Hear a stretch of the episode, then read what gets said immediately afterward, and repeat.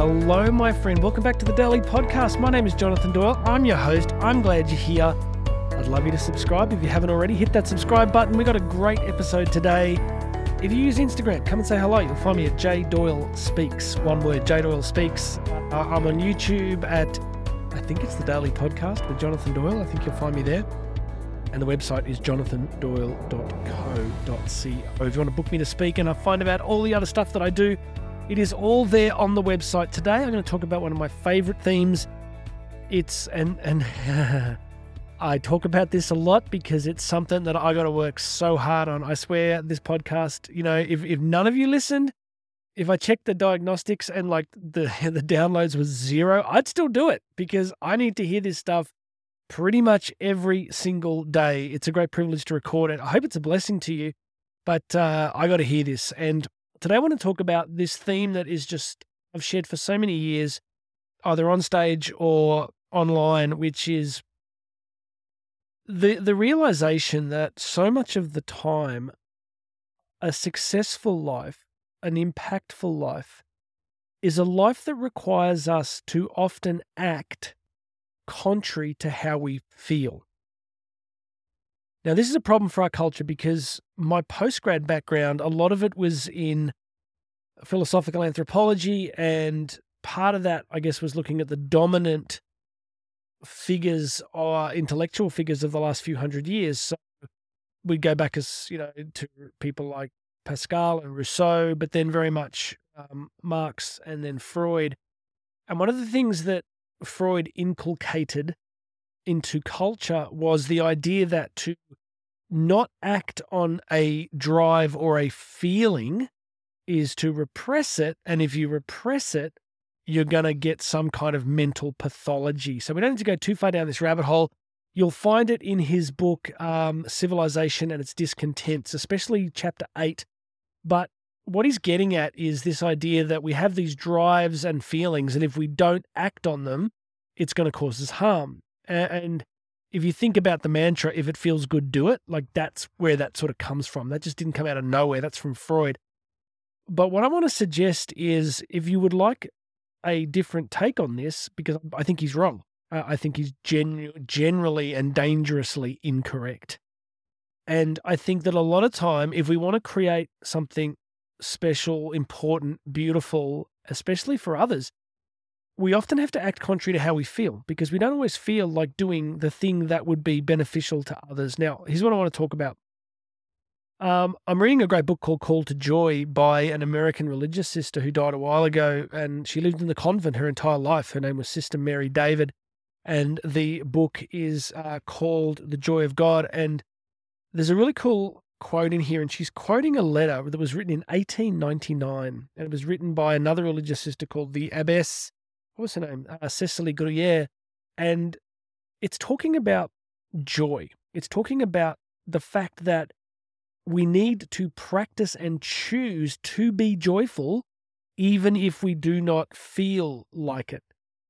And she's talking about the kind of community that that can build. So, really, what I want to talk about in this episode is the mental discipline and the spiritual discipline to do things for ourselves and others that we may not feel like doing. So the quote is let me just share the, the, the, sort of two parts to this. Well, uh, let me just give you the part that really jumped out at me, which is this.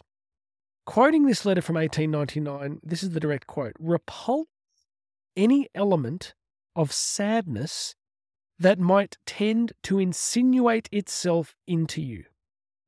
That atmosphere of joy should become the habit the ordinary impetus of your soul. Rejoice, not because things are pleasant, but because it is God who sends them. All right, let's look at that first line. Repulse any element of sadness. Like that, that the disposition of joy should be our natural impulse of soul this is hard for us. I don't know what you think as you're listening to this. You might be a naturally joyful person and you're like, no, this is easy. This is my default setting, but it's not for all of us. You know, some of us can be a bit more melancholy. I'm quite introverted by nature, which is always ironic given what I do for a living, but that we should seek to have this attitude of joyfulness as the natural impetus of our soul and that we need to practice it.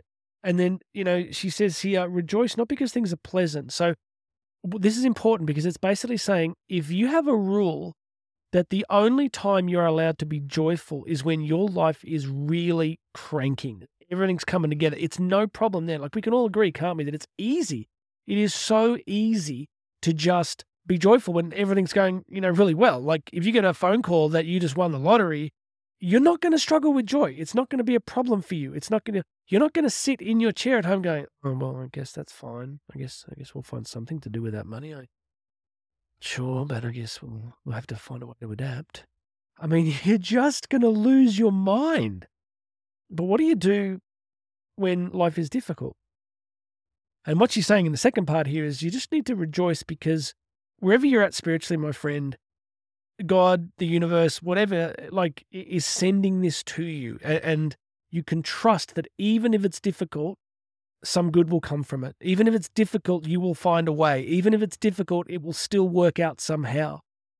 But you've got to practice this attitude of joy. And there's a second part to this quote where it says, We must pull the ground out from under the feet of that melancholy that is no good for either this world or the next.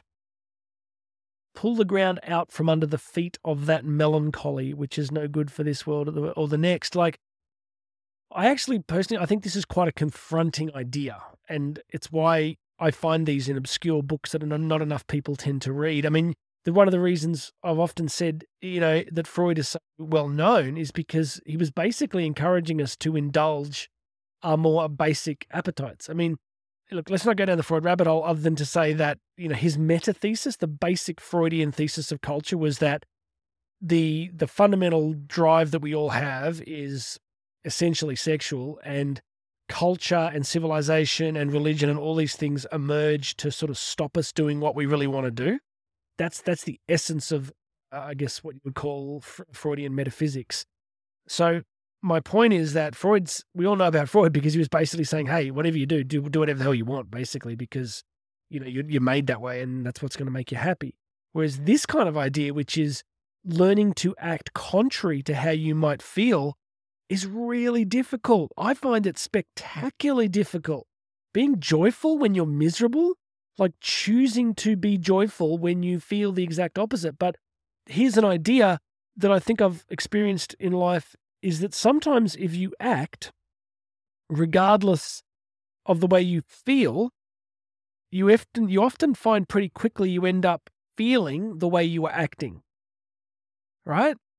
So if we act a certain way, it's like fake it till you make it, right? Like you start to act, your feelings tend to some eventually catch up to the action.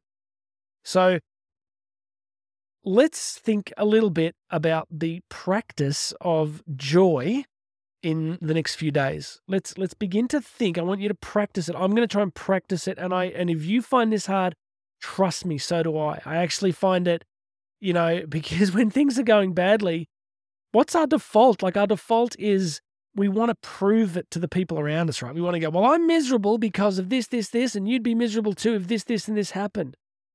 But oh man, I need to hear this. Like, what what if we could begin to act contrary to how we feel?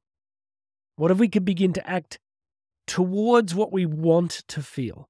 So, yes, we may be experiencing depression. Yes, we may be experiencing setbacks. But what if we just made the incredibly heroic and brave decision to act contrary to how we feel? So I would love you to try this. I, you know, I'd be really keen for you to reach out. You know, hit me on Instagram, J Doyle Speaks. Send me a DM and go, look, I tried this and this is what happened, Jonathan. You're crazy. It doesn't work. But I actually think it does, and it's hard. And I'm convinced after all these years, decades of working in personal development, peak performance, motivation, there's a reason why most people give up on this kind of stuff because it is hard. But but if we persevere, we keep trying to do this, we keep asking God to help us. I think we can start to change. But my gosh, it's hard. It's it's hard. But let's at least try. All right. So practically, I want you to go from this podcast throughout your the rest of your day or night and try and say and do joyful things, even if you don't quite feel it. And let me know what happens. All right, please make sure you're subscribed. Go check out the website, uh. Everything's there. You can book me to speak, uh, coaching, corporate consultancy, strategic consultancy. It's all there on the website. I'd love you to reach out. But really, my heart, I love speaking. So if you've got events or training, um, I would love to just tailor some content and come and just absolutely go nuts and deliver something awesome for you. All right, God bless you, my friend. My name's Jonathan Doyle. This has been the Daily Podcast. You and I are going to talk again tomorrow.